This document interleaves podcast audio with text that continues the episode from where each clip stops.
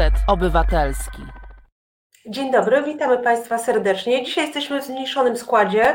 Marta Koszkowska-Warywoda i pani sędzia Monika e, Ciemięga z Opola. E, będziemy rozmawiać, tak jak zapowiadałyśmy, o tym, dlaczego 18 każdego miesiąca sędziowie nie wyznaczają wokant i wychodzą przed budynki sądów, aby protestować. E, chcemy opowiedzieć Państwu o przypadkach naszych kolegów, którzy zostali odsunięci od orzekania. Przede wszystkim o, sędzim, e, o sędzi Igorze Tuleju, Tulei, przepraszam bardzo.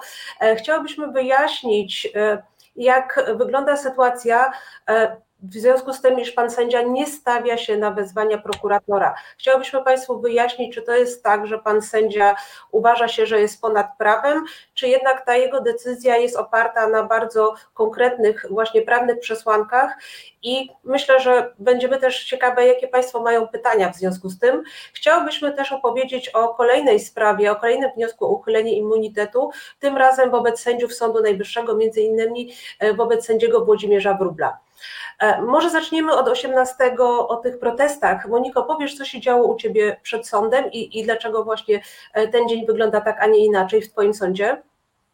E, dzień dobry, też chciałam się przywitać z Państwem. Marta już mnie przedstawiła, więc nie muszę tego ponownie robić. 18 mm, listopada, bo właściwie nie, nie, nie, wiadomo, czy Państwo wiedzą, co oznacza ten 18, 18 każdego miesiąca. Otóż 18 listopada sędzia Igor Tuleja e, został zawieszony w cudzysłowie, że tak powiem, przez Izbę Dyscyplinarną e, i odsunięty przez swojego prezesa od orzekania. E, został mu wtedy uchylony immunitet Potem powiemy, czy to było bezprawne, czy to było prawne. E, w każdym razie od tego czasu nie może orzekać. E, jeszcze dłużej nie może orzekać e, sędzia Beata Morawiec, której również immunitet uchyliła Izba Dyscyplinarna a sędzia Paweł Juszczyszyn nie może orzekać dobrze od ponad, od ponad roku. E, I e, ten 18 ma właśnie znaczenie z tego powodu, że 18 listopada został odsunięty od orzekania, e, uchylono mu immunitet właśnie sędziemu Igorowi Tulei. I wówczas pojawił się taki pomysł, żeby 18 każdego miesiąca uczynić takim dniem bez, bez wokandy. To znaczy, żeby sędziowie nie orzekali tego dnia, co oczywiście nie nie jest równoznaczne z tym, że nie pracujemy. Po prostu nie wyznaczamy na ten termin, na ten, na ten dzień rozpraw. 18 każdego miesiąca. E, I e, na przykład 18 stycznia ja nie miałam e, wyznaczonych terminów rozpraw, więc nie musiałam odwoływać ich. Później 18 lutego te terminy już miałam wyznaczone, i musiałam je odwołać. Ale to też nie jest tak, jak e, mówią rządzący albo e, osoby, które e, uważają, że nic nie robimy, tylko nie chcemy orzekać i powinniśmy się brać do pracy.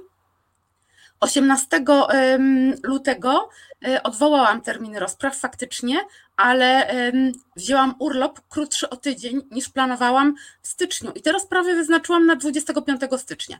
I z tego co słyszałam, e, zdecydowana większość sędziów wyznaczyła te rozprawy, które odwołała na któregoś 18 właśnie w zbliżonym e, terminie lub e, nie, niewiele późniejszym. Dlatego to nie jest tak, że, że my po prostu nic nie robimy. A pracy mamy naprawdę w tym czasie, możemy rozpoznawać na przykład zażalenia, w sądach e, cywilnych, e, takich e, szeroko pojętych, czyli to jest sąd rodzinny, sąd cywilny, sąd pracy, sąd gospodarczy, dlatego że ustawodawca nałożył na nas dodatkowe obowiązki i teraz spoczywa na nas również obowiązek rozpoznawania zażaleń tak zwanych poziomych i z tym się wiąże bardzo dużo pracy.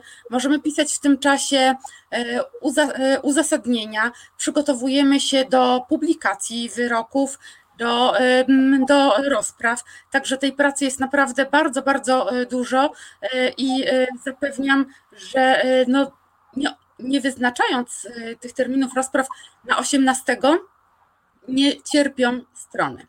Tak, i przede wszystkim jest też tak, że część osób, która wcześniej miała jakieś poważne sprawy aresztowe czy skomplikowane, wyznaczone na 18, jeszcze kontynuuje te rozprawy, a stara się na przyszłość planować tak, żeby ten 18 był takim dniem solidarności z naszymi kolegami i koleżankami, którzy zostali poddani, no myślę, że mogę użyć tego słowa, zostali poddani po prostu represją z różnych powodów, o których dzisiaj będziemy mówić.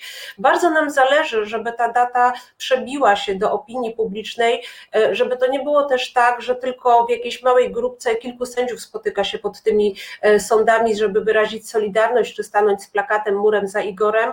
Bardzo byśmy chcieli, żeby ta akcja powoli przybrała taki bardziej masowy e, charakter, żeby również Państwo, obywatele, czasem przyszli pod ten sąd w tym mieście, e, gdzie e, takie spotkania, protesty są organizowane, żeby właśnie wyrazić tą solidarność, bo myślę, że e, dopóki nie, nie pozyskamy takiego dużego głosu opinii publicznej, która będzie wspierać ten, ten Dzień Solidarności z sędziami, no to będziemy gdzieś na takim marginesie. Dlatego ta akcja jest dla nas ważna i dlatego też z miesiąca na miesiąc coraz bardziej staramy się ją rozpowszechnić i coraz bardziej staramy się e, w wielu miejscach o tym mówić, że to właśnie to nie jest tak, że to są dni bez wokandy i postanowiliśmy sobie nic nie robić 18 każdego miesiąca. To jest Dzień Solidarności, to jest taki dzień, żeby pokazać wszystkim, że nie jesteśmy obojętni na to, co spotyka innych sędziów, e, ponieważ mamy taką świadomość, że to, co spotyka e, sędziów, za chwilę może spotkać przedstawicieli mediów, za chwilę może spotkać zwykłych obywateli i to jest taki wyraz naszego, e, nasze, naszego niegodzenia się na tą rzeczywistość, z jaką borykają się nasi koledzy. No i teraz może pojawić się pytanie, e, czy sędzia może protestować, czy sędzia może brać udział e, w protestach. Na pewno nie tak jak inne grupy zawodowe, nie mamy prawa do strajku, natomiast czujemy się upoważnieni do tego, żeby w sytuacji, kiedy mówi się o pewnych procesach, zmianach, które dotyczą bezpośrednio wymiaru sprawiedliwości, no i sędziów, żeby zabierać głos w tej debacie publicznej. Jednym z elementów tej debaty publicznej są właśnie te nasze e, protesty. Moniko, jak było u Ciebie 18 e, pod sądem w Opolu? Było dużo osób? E, powiem tak, u nas jakby to wydarzenie się podzieliło, dlatego że tak, że część osób nie wyznaczyła już rozpraw na tego 18 marca, Część sędziów wyszła przed y, sąd okręgowy e, z kartkami, że mm, nie jest, że Igor y, i Beata i Paweł nie są, e, nie są sami. I, y, I było ich, no nie pamiętam, kilkunastu, na pewno kilkunastu co najmniej, a, e, ale też 18 każdego miesiąca tak zwani wolni ludzie z Opola, już tak sami się nazywają, E, zawsze protestują właśnie przed sądem okręgowym o godzinie 19. E, I powiem, że, tych, że, w, tym, że w tym miesiącu faktycznie ja byłam poruszona, dlatego że ludzi było naprawdę dużo, a mniej więcej jedna trzecia to była młodzież. I to jest właśnie najbardziej budujące, że, że i młodzież widzi, że, że to jest ważne, żeby walczyć o ten trójpodział władzy, no bo to nie jest dla nas, tylko to jest właśnie dla obywateli. Ja widzę, że Państwo tutaj, strasznie mnie to cieszy, że piszą Państwo i sygnalizują, że Państwo wiedzą, że Pan sędzia Tuleja nie stawia się ponad prawem, ale może zacznijmy od początku, bo myślę, że tych wydarzeń, które złożyły się e, na tą sytuację, że sędzia został pozbawiony immunitetu, a w tej chwili już za chwilę e, będzie e, podejmowana decyzja w Sądzie Najwyższym, czy może zostać zatrzymany i przymusowo doprowadzony, to jest pewien ciąg zdarzeń, o którym chciałabyśmy tak w skrócie powiedzieć. I tak naprawdę cała ta sprawa bierze początek w dniu 17 grudnia 2017 roku, kiedy pan sędzia Tuleja rozpoznawał zażalenie, na umorzenie śledztwa w sprawie obrad w sali e, kolumnowej. I to posiedzenie e, przebiegało w zupełnie standardowy sposób. Pan sędzia podjął decyzję, żeby to posiedzenie przebiegało jawnie, a także wydał zgodę, żeby w tym posiedzeniu uczestniczyli przedstawiciele mediów, czyli poprzez tą decyzję ta sprawa faktycznie stała się głośna. Na, na podstawie relacji z tego posiedzenia pojawiło się pojawiły się relacje w wiadomościach, był chyba program w czarno na białym. I to jest tak naprawdę ciąg y, pewne, od tego zaczyna się pewien ciąg zdarzeń, o który byśmy chcieli w skrócie przedstawić. Pozwolisz, że ci e, przerwę. E, chciałabym jeszcze dodać, że sędzia Igor Tuleja pytał prokuratora obecnego na sali, czy sprzeciwia się temu, by to posiedzenie było prowadzone publicznie. I prokurator temu się nie sprzeciwił. Dobrze, to powiedz Moniko, co było dalej w takim razie. E, no dalej, e, dalej był taki właśnie ciąg wydarzeń, dlatego że już pod koniec 2017 roku sędzia Igor Tuleja został e, wezwany pod nieobecność jego prezesa do, przez wiceprezesa Sądu Okręgowego w Warszawie, Dariusza Drajewicza, który również jest, był nominatem ministra Ziobry o ten wiceprezes zażądał od niego e, wyjaśnień. W styczniu 2018 roku sędzia Igor e, Tuleja złożył zawierające 65 stron zawiadomienie dotyczące fałszywych zeznań, które mogli składać świadkowie, czyli ci posłowie, którzy byli wówczas obecni podczas tych obrad nad ustawą budżetową w sali kolumnowej. E, prokuratura tutaj e, odmówiła wszczęcia e, śledztwa, natomiast specjalny Wydział Prokuratury Krajowej zaczął sprawdzać, dlaczego to sędzia Tuleja dostał tę sprawę do rozpoznania i czy mógł, mógł wpuścić dziennikarzy na, na ogłoszenie orzeczenia. E, zostali wówczas przesłuchiwani w charakterze świadków pracownicy sekretariatu, e, prezes e, Sądu Okręgowego Joanna Bittner oraz były przewodniczący Wydziału, ósmego Wydziału Karnego sędzia Wojciech Małek. Później był jakiś taki spokój, i e, już 14 e, sierpnia 2018 e, roku zastępca rzecznika dyscyplinarnego sędziów sądów powszechnych Michał Lasota wezwał sędziego Igora Tuleje, żeby złożył pisemne oświadczenie co do ujawnienia bez zezwolenia właśnie wiadomości dotyczących tego, tego postępowania. W ciągu dwóch e, miesięcy sędzia Igor Tuleja sześciokrotnie był e, wzywany przez rzecznika dyscyplinarnego do składania różnych oświadczeń, e, wyjaśnień. We wrześniu i październiku 2018 roku był przesłuchiwany jako świadek przez zastępcę rzecznika, ale tym razem już o swój udział w życiu publicznym, no i o złożone przez siebie pytania prejudycjalne do Trybunału Sprawiedliwości Unii Europejskiej. Później tak. był. Tak. To może teraz y, ja. To, to jest też tak, e, że e, te, te dni wezwań to też były takie dni naszych protestów. Ja na przykład w pamięci pamiętam, że na jedno z tych pierwszych wezwań e, właściwie większość sędziów Sądu Okręgowego w Warszawie, takich właśnie szeregowych sędziów, jechała tramwajem z panem sędzią Tuleją z Sądu Okręgowego. Zresztą byłam. Dokładnie, tak, tak to wyglądało. E, mówię o tym, ponieważ właśnie tutaj ktoś napisał, że e, to znaczy, że sędziego Tulejego, Tulei nie broni żaden z przełożonych, tylko zwykli sędziowie. Dokładnie.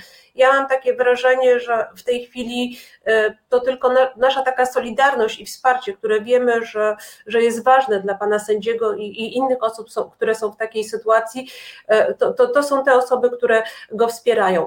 I tak naprawdę cała jesień właściwie polegała na tych wezwaniach pan sędzia Duleja był wzywany celem e, składania dodatkowych zeznań, celem przesłuchiwania, aż do momentu, kiedy 17 lutego już 2020 roku e, został złożony wniosek o uchylenie sędziemu immunitetu właśnie w związku z zarzutem e, niedopełnienia obowiązków lub przekroczenia uprawnień, polegającego na tym, że zezwolił przedstawicielom środków masowego przekazu na utrwalenie obrad i przebiegu posiedzenia. I tak naprawdę naprawdę od momentu złożenia tego wniosku e, ta, ta, ta cała sytuacja e, przyspieszyła. I pierwszy termin e, w przedmiocie uchylenia immunitetu został wyznaczony na 20 marca 2020 roku. I to jest tak naprawdę, te dwie daty zbiegają się z pandemią, bo o ile dobrze pamiętam, 12-13 marca to jest ten nasz pierwszy lockdown e, i to posiedzenie zostało odwołane. E, przez trzy miesiące właściwie pan sędzia był w totalnym zawieszeniu. Kolejny termin został wyznaczony na 9 czerwca, ale również nie zapadła wtedy decyzja e, w przedmiocie immunitetu. To posiedzenie zostało odroczone, o ile pamiętam. I kolejny termin to jest właśnie 18 listopada 2020 roku. Moniko, może oddam Ci głos teraz. To jest tak, w międzyczasie 8 e, kwietnia e, Trybunał Sprawiedliwości Unii Europejskiej zobowiązał Polskę do natychmiastowego zawieszenia stosowania przepisów dotyczących izby, działania Izby Dyscyplinarnej Sądu Najwyższego w sprawach dyscyplinarnych e, sędziów. 25 maja 2020 roku prezydent RP powołał na stanowisko pierwszego prezesa Sądu Najwyższego profesor Małgorzatę Manowską. Ja chcę tylko dodać, że pani Małgorzata Manowska była w 2007 roku wiceministrem sprawiedliwości w resorcie kierowanym e, ówcześnie również przez ministra e, Ziobrę. E, I na tego 9 czerwca została wyzna, zostało wyznaczone posiedzenie, to o czym Marta mówiła, właśnie w Izbie Dyscyplinarnej w budynku Sądu Najwyższego. I wówczas Izba Dyscyplinarna odmówiła E, uchylenia sędziemu Igorowi Tulei e, immunitetu. Uchylenie immunitetu, e, czyli to jest zezwolenie na pociągnięcie do odpowiedzialności karnej. Myślę, że też będziemy musiały powiedzieć parę słów przynajmniej o tym, po, po, po co jest sędziemu potrzebny immunitet. E, bo e, częstokroć padają takie pytania, e, stawia się sędziom zarzuty, że, że właściwie immunitet tylko ich chroni, a właśnie teraz na przykładzie tych, tych sędziów, którzy są pociągani, mają być pociągnięci do odpowiedzialności karnej chociażby za te orzeczenia, widzimy, że ten immunitet przecież nie chroni sędziego, tylko chroni właśnie obywatela, a sędziego chroni przed naciskami, a przynajmniej powinien stworzyć takie mechanizmy, żeby sędzia był chroniony przed naciskami z zewnątrz, z jakiejkolwiek e, strony. E, no, no ale myślę, że warto się zatrzymać jeszcze przy tym orzeczeniu, o którym wspomniałaś z kwietnia, orzeczeniu wydanym przez Trybunał Sprawiedliwości Unii Europejskiej, bo ono jest bardzo istotne, ono jest bardzo istotne i myślę, że właśnie między innymi to orzeczenie i wcześniejszy wyrok trzech izb Sądu Najwyższego e, zdecydował o tym, że właśnie prokurator, rzecznik dyscyplinarny, prokurator, y, prokuratura i rzecznicy dyscyplinarni wnioskują o uchylenie immunitetu, bo tak naprawdę Trybunał, y, Trybunał Sprawiedliwości Unii Europejskiej zawiesił y, stosowanie przepisów o Izbie Dyscyplinarnej, wskazując, że istnieją poważne wątpliwości co do niezależności i niezawisłości tego organu. W związku z tym zapadła decyzja, że Izba Dyscyplinarna nie może prowadzić postępowań dyscyplinarnych. I faktycznie te postępowania dyscyplinarne właściwie w tej chwili się przed tą izbą nie toczą, natomiast znaleziono taki, taką furtkę, taki wytrych, że faktycznie nie, nie toczymy postępowań dyscyplinarnych, ale co jeżeli sędziemu trzeba postawić zarzuty karne, bo na przykład, nie wiem, jadąc w stanie nietrzeźwości spowoduje wypadek samochodowy albo dopuści się innego czynu kryminalnego, przecież nie można zablokować tych spraw o, o tym charakterze. I na takim stanowisku e, stoją pracownicy e, osoby orzekające w Izbie Dyscyplinarnej i dlatego właśnie toczą się postępowania o uchylenie immunitetów. I e, mamy też takie wrażenie, że dlatego szuka się i znajduje się zarzuty o charakterze właśnie karnym, żeby postawić je sędziom, żeby w ten sposób ominąć e, tą decyzję Trybunału Sprawiedliwości o zawieszeniu e, funkcjonowania Izby Dyscyplinarnej. Przy czym e, popularne są takie zarzuty przekroczenie uprawnień, prawda Marta? Bo to e, bardzo, bardzo łatwo, jakąkolwiek sprawę wystarczy wziąć, znaleźć jakiekolwiek uchybienie, które nawet nie jest uchybieniem e, i, i można już składać wniosek o uchylenie sędziemu immunitetu. Naszym zdaniem oczywiście no nie można robić, jeżeli jest zakazane coś mniej, to nie można robić czegoś więcej. Więc naszym zdaniem absolutnie bezprawne jest e, tutaj podejmowanie decyzji przez e, Izbę e, Dyscyplinarną. I w naszej ocenie Izba Dyscyplinarna nie może podejmować również tego typu decyzji, szczególnie, że już zawieszenie sędziego z, z obniżeniem mu wynagrodzenia, no to przecież są środki takie dyscyplinujące, tak, dyscyplinarne, więc tutaj jest również takie przekroczenie uprawnień. A no właśnie e, myślę, że e, to jest właśnie odpowiedź na to pytanie, czy pan sędzia Tuleja stawia się ponad prawem, czy jednak pozostaje na stanowisku, że w związku z tym, że te decyzje zapadły w sposób bezprawny, to po prostu nie poddaje się tym decyzjom, bo tak naprawdę e, w dniu 18 listopada zapadła decyzja, uchwała Izby Dyscyplinarnej o tym, żeby panu sędziemu ten immunitet uchylić i dalszą konsekwencją tej decyzji były wezwania do stawiennictwa przed prokuratorem. Prokurator musi, y, chcąc prowadzić to postępowanie, a tak naprawdę uchylenie immunitetu otworzyło mu tą furtkę, no to musi y, wezwać pana sędziego y, na przesłuchanie i powinien ogłosić mu zarzut. I w związku z tym przez kolejne miesiące, już po, po tym dniu 18 listopada 2020 roku, to były te te sytuacje, kiedy e, pan sędzia otrzymywał miesiąc po miesiącu właściwie wezwania do stawiennictwa już w prokuraturze, nie u rzecznika dyscyplinarnego, tylko właśnie w prokuraturze. I tutaj pan sędzia podjął decyzję, że ponieważ nie, nie zgadza się z tą decyzją i, i, i widzi bankamenty prawne, tak powiem, tej decyzji o uchyleniu immunitetu, no to nie może swoim, dział, swoim działaniem, czyli stawiennictwem na wezwanie prokuratora, legitymizować tej sytuacji i, i to jest uzasadnienie jego decyzji. Trzykrotnie pan sędzia Tuleja e, nie stawił się e, na te wezwania.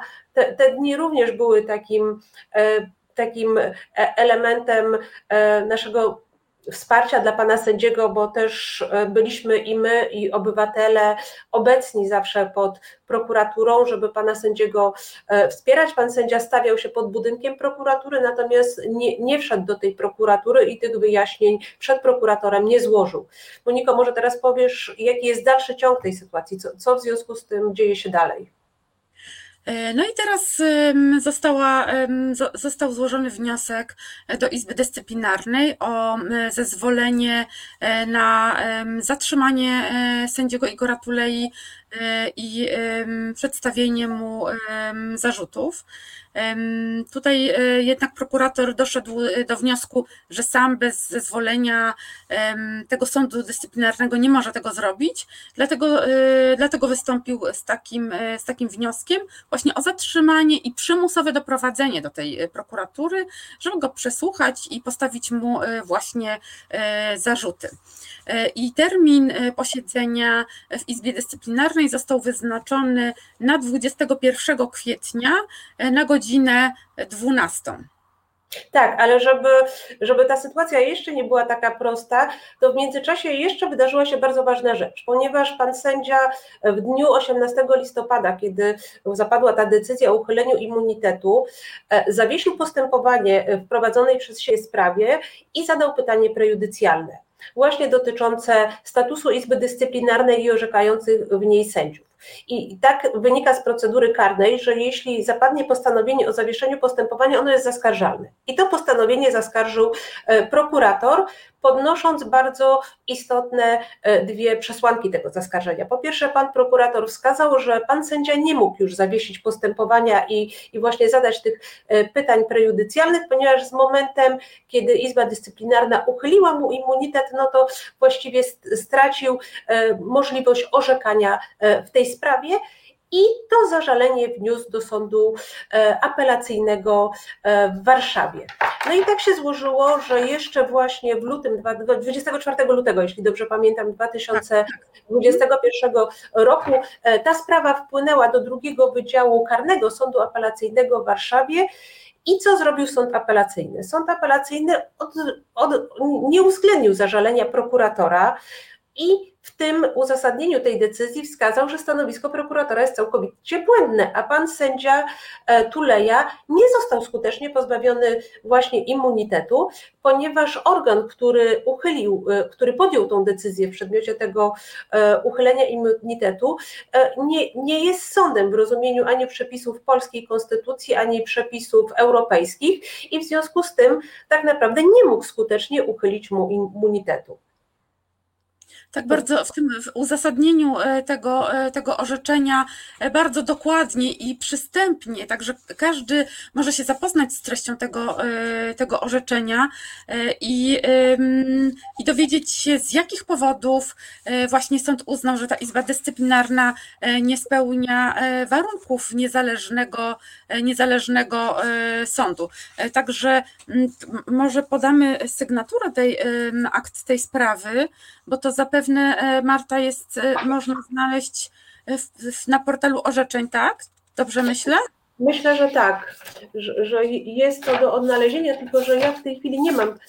2 AKZ 1394 E, na 20. Tak, to jest sygnatura tej sprawy. Ja tylko e, chciałabym, żeby, żeby Państwo mieli świadomość, do, do jakiego zapętlenia myśmy w tej chwili doszli, jeśli chodzi o, o przepisy, że tak naprawdę my jako prawnicy czasem mamy takie wrażenie, że funkcjonujemy w świecie e, równoległym, że tak jakby istnieją dwa światy, w których zupełnie inaczej interpretuje się przepisy i, i, I to jest sytuacja bardzo niebezpieczna. Myślę, że nie tylko dla nas jako prawników, ale przede wszystkim dla państwa e, jako dla obywateli. Myślę, że powoli zbliża się czas naszej przerwy i na chwilę e, tą przerwę zrobimy żeby za chwilę e, kontynuować i opowiedzieć e, Państwu, e, co, co, co jeszcze dzieje się w związku z tymi immunitetami. Chcielibyśmy pewnie jeszcze przedstawić, jak wygląda sytuacja pana sędziego Pawła Juszczyszyna i Beaty Morawiec, którzy są razem z, razem z sędzią Igorem Tuleją na tych plakatach. E, gdzie właśnie domagamy się przywrócenia ich do orzekania i do służby, a także chcemy powiedzieć o tej nowej sytuacji, czyli o wniosku o uchylenie immunitetu wobec sędziów Sądu Najwyższego. No i pamiętajmy, Marta, bo jeszcze w zapowiedzi było, czy sędzia Igor Tuleja jest e, bohaterem, e, czy, czy romantykiem, tak było? Buntownikiem. Wojow, wojow, nie wojownikiem, buntownikiem, tak. Buntownikiem, tak. tak. Słuchasz Resetu Obywatelskiego. Reset Obywatelski działa dzięki Twojemu wsparciu. Znajdź nas na zrzutka.pl. Witamy Państwa po przerwie. Poczytałam trochę czatu i myślę, że warto odnieść się do tego, co Państwo piszą. E, jedynym prawem sądem polskim jest teraz CUE. Wyroki sądów polskich mogą być skażone błędem. Obywatele odwołujcie się. No właśnie, ta sytuacja jest bardzo skomplikowana. E, I, I, myślę, że to, to jest taki zamęt, że my przez wiele lat będziemy z tego zamętu wychodzić. Ja w takim razie wrócę jeszcze do orzeczenia e, tego orzeczenia trzech połączonych izb e, Sądu Najwyższego, które zapadło 23 stycznia 2020 roku. I tutaj e, Sąd Najwyższy nie przesądził wprost, że udział sędziego, który został nominowany e, przez Krajową Radę, przez NeoKRS, czyli tą nową Krajową Radę Sądownictwa wybraną już przez polityków, że każdy taki wyrok będzie automatycznie nieważny, natomiast ważna jest kwestia badania powołania tego sędziego. I równocześnie właśnie ten sąd y, w tym orzeczeniu przesądził, że o ile, y, jeśli chodzi o sądy powszechne, to nie jest tak, że wszystkie te orzeczenia są automatycznie nieważne, to zupełnie inne zasady należy przyjąć do orzeczeń wydawanych przez nowe izby Sądu Najwyższego, czyli przede wszystkim właśnie przez Izbę Dyscyplinarną i te orzeczenia będą nieważne. Jeśli chodzi o, o teraz tą sytuację, która istnieje w sądach, ona jest naprawdę. Ja chciała, e, mhm. bo ja bym chciała tutaj podkreślić, że te orzeczenia czy te decyzje Sądu Najwyższego albo no, tych y, izb y, dyscyplinarnej bądź drugiej specjalnej e, izby, izba, jak ona się nazywa? Izba Spraw Publicznych i, y, i Kontroli Nadzwyczajnej. Nadzwyczajnej. One, e, te orzeczenia, czy też decyzje, one są e, już ostateczne. Już no, nie, nie możemy się odwołać od nich. E, dlatego, dlatego tutaj no, jest takie ważne, żeby, żeby powiedzieć wprost, ci ludzie, którzy zostali powołani do tych izb, nie są sędziami. Dlatego to jest takie istotne. Oni nie orzekając w konkretnych sprawach, nie dają gwarancji niezależnego sądu. Mhm. Myślę, że warto też powiedzieć to, co podkreślał Sąd Najwyższy w uzasadnieniu tej uchwały. Ci ludzie zostali wybrani w bardzo krótkotrwałych, niemerytorycznych konkursach. Te izby składają się całkowicie z nowo powołanych sędziów właśnie w tych konkursach, które tak, a nie inaczej zostały ocenione przez Sąd Najwyższy. I co teraz w sytuacji, jeżeli na przykład obywatel zakwestionuje taki skład sądzący i będzie chciał się na przykład, złoży wniosek o wyłączenie sędziego. Tak naprawdę wniosek o wyłączenie sędziego zostanie rozpoznany, przekazany do rozpoznania innym sędziom z tej nowej izby, czy dyscyplinarnej, czy spraw publicznych, którzy zostali wyłonieni w takim samym konkursie, jak ten sędzia, którego może dotyczyć wniosek obywatela właśnie o wyłączenie. Dlatego e, Sąd Najwyższy w tej uchwale właśnie ze stycznia 2020 e, roku wskazał, że e, zupełnie inaczej sytuacja wygląda w Sądzie Najwyższym, właśnie to, to co istotne, co Monika powiedziała, że te orzeczenia są już niewzruszalne, ostateczne, a troszeczkę inaczej wygląda sytuacja w sądach powszechnych, gdzie tak naprawdę w każdym przypadku należałoby badać, czy w normalnej sytuacji ten sędzia również zostałby powołany na stanowisko sędziego lub zostałby awansowany, czy też to jego powołanie wynika z tych szczególnych uwarunkowań po powołaniu nowej Krajowej Rady e, Sądownictwa. Także to nie jest tak, że, że, że, że wszystkie orzeczenia są nieważne. Myślę, że też nie zgodziłabym się, że jedynym prawem sąd, pra, prawym sądem polskim jest SUE, natomiast chaos prawny się pogłębia i ja sobie zdaję sprawę, dla nas prawników ta sytuacja jest trudna. E, my, my sami często e, nie wiemy, jak, jak, jak, postąpić w niektórych sytuacjach, analizujemy te przepisy, orzeczenia, a wyobrażam sobie, jakie to musi być trudne e, dla obywatela, który zostanie postawiony w zderzeniu właśnie z taką machiną, który tak naprawdę nawet może nie mieć wiedzy, czy w jego sprawie orzeka sędzia powołany jeszcze przez starą Krajową Radę Sądownictwa, czy przez nową Krajową Radę Sądownictwa. A myślę, że najbardziej niebezpieczne jest to, to, że ta sytuacja, te, to kwestionowanie powołania tych sędziów może skutkować na prawa obywateli e, w takim szerokim znaczeniu. No bo załóżmy na przykład, że e, polski, polska obywatelka będzie e, prowadziła proces z obywatelem innego kraju europejskiego, na przykład, nie wiem, o uregulowanie, kwestii, o uregulowanie kwestii kontaktów czy władzę rodzicielską i na przykład strona przeciwna przegra ten proces a następnie stwierdzi, że nie będzie realizować tych postanowień, no bo są wątpliwości, czy polski sąd jest niezależny, niezawisły, czy był należycie obsadzony i na przykład e, powie, że w żaden sposób tego orzeczenia nie będzie respektować. Takich niebezpieczeństw jest naprawdę bardzo wiele w związku z tą sytuacją, w jakiej się znaleźliśmy i o tym staramy się mówić, że to nie jest tylko takie nasze sędziowskie widzi mi się, że nam się nie podoba nie podobają wprowadzone zmiany, tylko wskazujemy na to, jak e, ten chaos, który został wytworzony, może oddziaływać na sytuację zwykłych obywateli.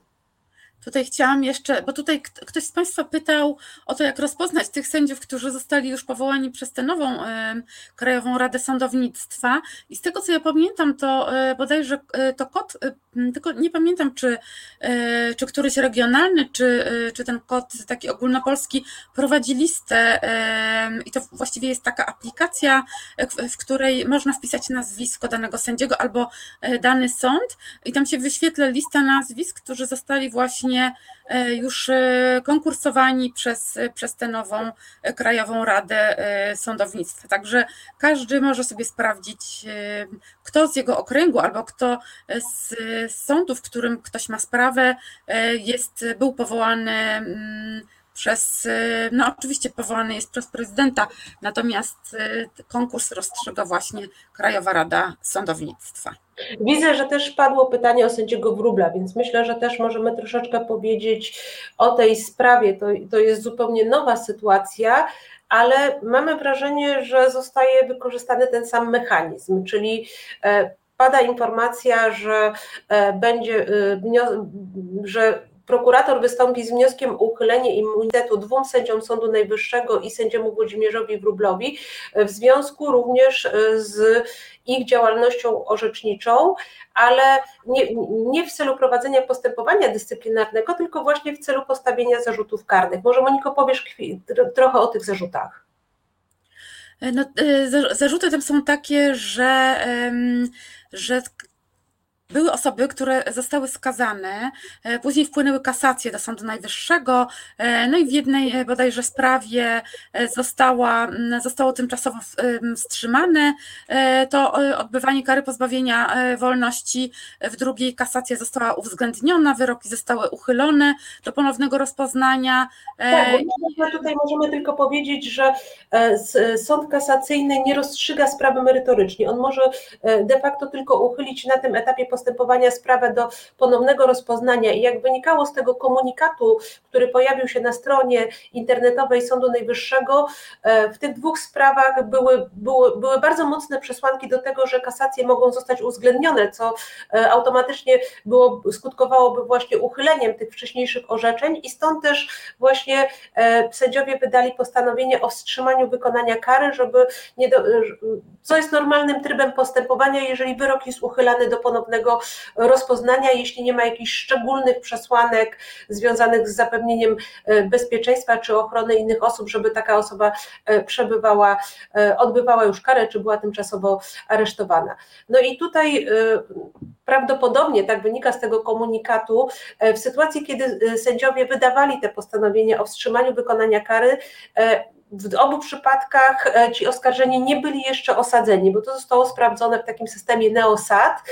E, natomiast ten przepływ dokumentów pomiędzy sądami prawdopodobnie trwał e, kilka dni i w międzyczasie już po wydaniu tych postanowień, ale przed e, tym, zanim one wpłynęły do tych sądów, które miały dalej merytorycznie rozpoznawać te sprawy, te osoby zostały osadzone. Prawdopodobnie wcześniej były wystawione nakazy doprowadzenia i te osoby znalazły się faktycznie w zakładach karnych w związku z tymi wcześniejszymi orzeczeniami. To nie jest tak, że człowiek z ulicy znalazł się w zakładzie karnym, tylko już wcześniej zapadł prawomocny wyrok Sądu Okręgowego, który uznał, że ta osoba jest winna i y, zapadł wyrok skazujący na karę pozbawienia wolności. Natomiast y, jeszcze prawo pozwala na wniesienie takiego szczególnego środka zaskarżenia, jakim jest kasacja, która pozwala zaskarżyć już y, nawet prawomocne orzeczenie. Tak, Moniko? Tylko ja teraz słyszę, że ty właściwie już tak domniemujesz, co się działo w międzyczasie. Mhm jak to się stało, że ci ludzie. Bo jestem sędzią wykonawczym, więc tak naprawdę.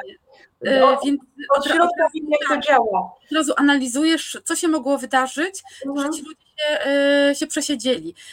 Przy czym z tego komunikatu właśnie Sądu Najwyższego wynika, że, że w momencie, kiedy sędziowie mieli te akta u siebie, oni działali na podstawie informacji, że, że ci skazani nie są jeszcze osadzeni czyli że oni nie odbywają kary pozbawienia wolności. Taka była ich wiedza, e, no przypuszczalnie na podstawie tej informacji z tego systemu Neo, e, NeoSAT.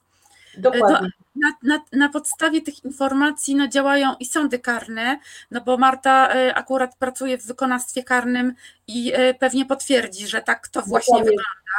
A, a ja z kolei orzekam w sądzie rodzinnym i też bardzo często sprawdzam, w jaki, w, czy czy mój skazany jest osobą osadzoną, również w ten sposób poszukuję e, uczestników postępowania czy stron, no bo takie są, e, ciążą na mnie e, obowiązki jako na sędzim rodzinnym i właśnie na podstawie tego neosadu no, działamy, no bo nie mamy po prostu innych, lepszych E, instrumentów. E, tak, musielibyśmy się kontaktować, no nie wiem, z zakładem karnym czy z danym sądem, który w jakiejś sprawie orzekał. Jest to praktycznie e, niewykonalne. No więc w tym systemie powinno być wszystko, co zostało, co zostało orzeczone. No tutaj niestety tak się stało, że, że tych dwóch skazanych mówiąc kolokwialnie, przesiedziało się, tak? Czyli. Że zostało osadzonych mimo decyzji o wstrzymaniu e, wykonania kary, ale tak jak mówię, to zostało osadzonych, bo już wcześniej zapadły prawomocne orzeczenia skazujące ich, a na skutek e, wiem, że jedna kasacja została uwzględniona dlatego, że postępowanie toczyło się w jakiejś części pod nieobecność oskarżonego, który nie został prawidłowo e, zawiadomiony, ale to już nie mówmy o tych szczegółach. Skutek ale to taki... ja jeszcze chcę, ale ja chcę jeszcze tutaj dodać, bo myślę, że to jest istotne. Okay. Jak się skończyła sprawa sędziego Wróbla, tak? Te, której tak, w tej sprawie, właśnie w tej sprawie e, sędziego Wróbla e, wyrok e, również zapadł skazujący e, i ten człowiek, który wcześniej właśnie e, został osadzony, został skazany prawomocnym wyrokiem karnym i ten okres, w którym był osadzony, został zaliczony mu na poczet tej kary, więc tak de facto on akurat nie poniósł żadnej, żadnej szkody.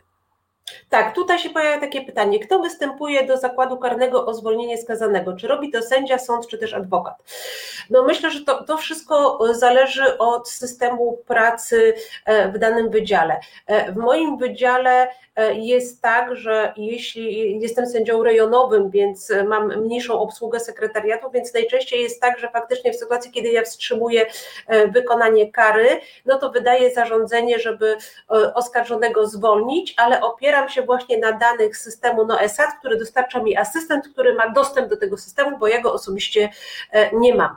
W Sądzie Najwyższym jest mniej sędziów, a więcej pracowników sekretariatu i jak wynika z oświadczenia, e, które zostało umieszczone e, na stronie Sądu Najwyższego, e, wydanie takiego zarządzenia spoczywało na pracownikach sekretariatu. I nadal tak jest z tego, co I nadal tak jest. Mhm. Prawdopodobnie y, jest to troszeczkę inny system organizacji pracy, gdzie e, sędziów jest mniej, jest więcej pracowników e, sekretariatu. Ja no prawdopodobnie i, i, i myślę, że tak jest, że sędzia powinien to w jakiś sposób e, skontrolować czy takie zarządzenie, czy to zostało zrobione, czy, to zosta czy, czy takie zarządzenie zostało wydane.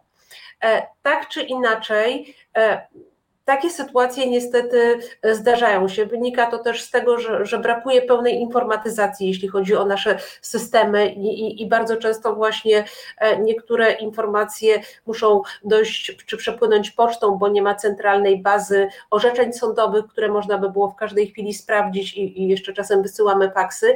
Tak czy inaczej, e, abstrahując od tego, co się stało, a nie powinno się stać, e, na pewno jest to sytuacja, która wymagałaby wyjaśnienia, czy nawet wyjaśnienia w trybie postępowania dyscyplinarnego wobec sędziego. pracowników sekretariatu toczyły się, toczyły się te postępowania dyscyplinarne i one e, chyba nawet zostały zakończone. Ja dokładnie tego. Tak, udzieleniem, udzieleniem nagany. No, hmm. ja, ja, nie wnikam w ten podział i system e, pracy, jaki jest w Sądzie Najwyższym, e, bo faktycznie w moim wydziale jest tak, że, że, że, ja jestem odpowiedzialna za to, żeby to zweryfikować. Ale załóżmy nawet, że doszło do takiej sytuacji, że ktoś czegoś nie zweryfikował, to nie jest sprawa nastawiania zarzutów karnych. Właśnie to, jest, to mhm. jest właśnie kluczowe, bo e, w żaden sposób myślę, że jest to nie do wykazania w normalnym trybie postępowania, że sędzia Sądu Najwyższego, między innymi pan sędzia Wrubel, działał w zamiarze bezprawnego pozbawienia wolności człowieka. E, tym bardziej, że e, to, to nie jest taka sytuacja, że bezprawnie pozbawiony wolności został pierwszy lepszy szeregowy obywatel. Mówimy o, o, o sytuacji, kiedy był rozpoznawany nadzwyczajny środek zaskarżenia już od wcześniej wydanego wyroku skazującego, czyli e, tak naprawdę wniesienie kasacji często nie jest nawet możliwe w wielu sprawach, tylko przy spełnieniu tych szczególnych przesłanek. No i teraz pojawia się pytanie, dlaczego właśnie wobec sędziów Sądu Najwyższego e, zaczyna się podejmować takie działania, tym bardziej, że są to sprawy sprzed dwóch lat. Jeśli dobrze to mówimy o roku, o, roku 2018, bo wtedy miało to miejsce. Ma, mamy takie wrażenie, że ktoś celowo e, wraca do tej sprawy, szukając pretekstu właśnie, żeby e, pan sędzia Włodzimierz Wróbel był tą kolejną osobą, która zostanie pozbawiona immunitetu. No i teraz może się pojawić pytanie, dlaczego, dlaczego to właśnie jest e, między innymi pan sędzia Wróbel. To jest e, przecież proste. Tak? Pan sędzia Włodzimierz Wróbel E, broni praworządności. E, jest autorytetem nie tylko dla nas, sędziów sądów rejonowych, okręgowych czy apelacyjnych, ale jest też autorytetem dla sędziów Sądu Najwyższego, czego dowodem było to, że, e, że to on uzyskał największą liczbę głosów w konkursie na pierwszego prezesa Sądu Najwyższego, bo on otrzymał przecież 50 głosów do 25 głosów, które zostały oddane na panią Małgorzatę Manowską. Dokładnie tak. I, i, i myślę, tak. że że, że z tego wynikają te sytuacje. Myślę, że też ważne, żeby wyjaśnić Państwu może, jak, jak ważnym organem jest Sąd Najwyższy, bo tak naprawdę oprócz tego, że Sąd Najwyższy rozpoznaje kasacje, wydaje uchwały prawne, interpretuje czy zajmuje się wykładnią obowiązujących przepisów, to tak naprawdę pierwszy prezes Sądu Najwyższego kieruje pracami Trybunału Stanu, który tak naprawdę jego podstawową kompetencją jest y, sądzenie i wymierzanie kar politykom za naruszenie przepisów konstytucji. Sąd Najwyższy decyduje o ważności wyborów i to Sąd Najwyższy może podjąć decyzję, czy na przykład wybory powinny zostać e, powtórzone. Sąd Najwyższy e, decyduje, e, czy można daną partię polityczną pozbawić finansowania, w związku z tym, że na przykład te środki były błędnie wydawane. Sąd Najwyższy może uchylić y, orzeczenie każdego innego sądu e, w kraju, sądu powszechnego, bez względu na to, czy mówimy o sprawie karnej, cywilnej, gospodarczej. E, no i to, o czym mówiłam na początku, e, Sąd Najwyższy może decydować, jak rozumieć, interpretować przepisy prawa, czyli tak naprawdę ma olbrzymią e, taką e, władzę i decyzyjność, jeśli chodzi o interpretację przepisów prawa uchwalonych przez parlament. I myślę, że, że te, te, to, to, wszystko razem e, wskazuje na to, jak, jak, jak, ważnym elementem tego systemu są sędziowie Sądu Najwyższego. A w tej chwili. Sędziowie... orzeczenia, pamiętajmy, że te orzeczenia są już ostateczne, one nie są zaskarżalne. Dlatego, dlatego ten Sąd Najwyższy jest, jest tak bardzo ważny. Tak, i, i powiem Państwu, że, że ta decyzja, e, ten komunikat, o którym żeśmy przeczytali, że właśnie prokuratura występuje o uchylenie immunitetu e, trzem sędziom Sądu Najwyższego, w tym sędziemu Włodzimierzowi Wróblowi, no to dla nas to było porażające. Ja, ja po prostu nie mogłam uwierzyć. No, Dzisiaj rano obudziłam się, włączyłam e, wiadomości, usłyszałam, że e, jest wniosek o uchylenie e, immunitetu marszałkowi Senatu. No, no te analogie po prostu są tak, tak, tak olbrzymie, że. Porażające. Porażające są, dokładnie. Marta, bo czas tam się kończy, a jeszcze nie powiedziałyśmy ani słowa o sędzim, no może o Pawle Juszczyszynie jakieś słowo padło, ale mm, zdecydowanie za mało tych słów i o sędzi Beacie Morawiec, bo przecież oni też nie mogą e, orzekać, też zostali odsunięci e, od, e, od orzekania. Sędzi Beacie Morawiec postawiono zarzuty wręcz kryminalne i też chciałam zwrócić uwagę na to, no bo oczywiście to, czy ona jest winna, czy nie, my jako e, jej koledzy oczywiście absolutnie e, wierzymy w jej niewinność, ale mm, to są innego typu zarzuty niż w przypadku e, Igora czy, czy Pawła. No może tylko powiem jedno, bo to czy my jako koledzy wierzymy, czy nie wierzymy, to nie ma znaczenia, ale jeszcze jest domniemanie niewinności. Oczywiście, to jest, y, to jest y, pod, podstawa. Natomiast chcę zwrócić uwagę na taki ciąg zdarzeń, dlatego że e, te e, zarzuty, one e, sięgają aż do 2012 i 2013 roku. Czyli, czyli jak, jak głęboko musieli szukać ci, którzy chce, chcieli postawić sędzi Morawiec zarzuty. I kiedy też się to działo. Zwróćmy uwagę na to, że sędzia Beata Morawiec wygrała proces cywilny o ochronę dóbr osobistych przeciwko ministrowi Zbigniewowi Ziobrze. Potem teraz już ten wyrok jest prawomocny, ale po wyroku w pierwszej instancji E, no właśnie zaczęły się, e, zaczęły się właśnie dziać takie, e, takie rzeczy, że, że postawiono właśnie sędzi Beacie Morawiec zarzuty, oczywiście jeszcze nie karne, bo to się dzieje dopiero po uchyleniu immunitetu, ale w 2020 roku po przegranym procesie cywilnym w tej pierwszej instancji prokuratura mm, zarzucając właśnie e, sędzi e, Morawiec przywłaszczenie środków publicznych i działanie na szkodę interesu publicznego w celu osiągnięcia korzyści majątkowej, bo jej się zarzuca, że ona sporządziła mm, sprawozdanie, za które wzięła pieniądze, a wcale go nie sporządziła, przy czym sędzia Beata Morawiec natychmiast ujawniła to, mm, to, to, to sprawozdanie, a drugi zarzut jest taki, że miała wziąć od od jakiegoś e, oskarżonego e, telefon komórkowy i za to, i za to zapadł łagodniejszy wyrok w stosunku do tego, do tego skazanego. Sędzia Morawiec oczywiście absolutnie zaprzecza tym, tym zarzutom. Mówi, że są absurdalne, że z uczciwej sędzi, która całe życie ciężko pracowała, robi się z niej przestępcę i tak naprawdę no, ona nie wie, w jakim świecie się obudziła. Zresztą przecież y, do jej mieszkania e, przyszła, tak, policja i czy, czy już tak, nie pamiętam, ABW, e, i, e, i zabrali jej po prostu komputer. Gdyby nie oddała dobrowolnie go, to by jej przeszukano, przeszukano mieszkanie. Stąd po prostu A ten... zabrano jej ten komputer, bo po tym jak pojawiły się te zarzuty, sędzia Morawiec na Twitterze opublikowała te ekspertyzy, które były przedmiotem jednego z zarzutów i wykazała, że ona jest sporządziła.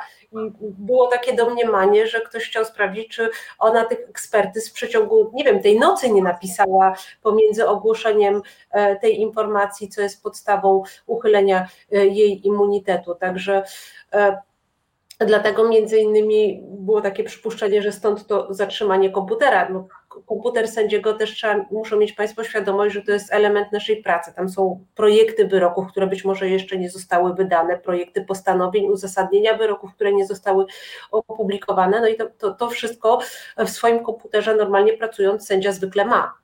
Marta, cztery minuty dla Pawła, dlatego że on jest najdłużej Dobrze. zawieszony i został jeszcze zawieszony przed wydaniem e, tego orzeczenia e, kwietniowego przez e, CUE.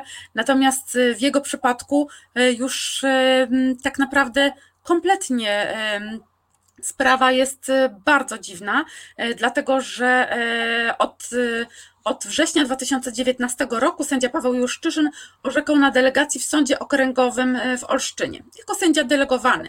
E, I 20 listopada 2019 e, roku wydał postanowienie, w którym zażądał od szefa Kancelarii Sejmu przedstawienia dokumentów dotyczących procedury wyboru członków Krajowej Rady Sądownictwa, żeby właśnie sprawdzić, czy sędzia, który brał udział w wydaniu orzeczenia w pierwszej instancji, jest właśnie tym prawdziwym sędzią, tak? Czy spełniał e, te, mm, spełniał te e, wymagania niezależnego e, No Ale istotna jest też data, bo 20 listopada to jest dzień później po wydaniu jednego z pierwszych orzeczeń przez Trybunał Sprawiedliwości Unii Europejskiej, właśnie w przedmiocie pytań prejudycjalnych zadanych przez sędziego Tuleje i sędzię Maciejewską właśnie odnośnie statusu i, i zarówno Izby Dyscyplinarnej, jak i powołań sędziów przez Neokres. Także e, dzień on po wydaniu... On się powoływał właśnie na to, że wypełnia dyspozycję tego orzeczenia e, CUE.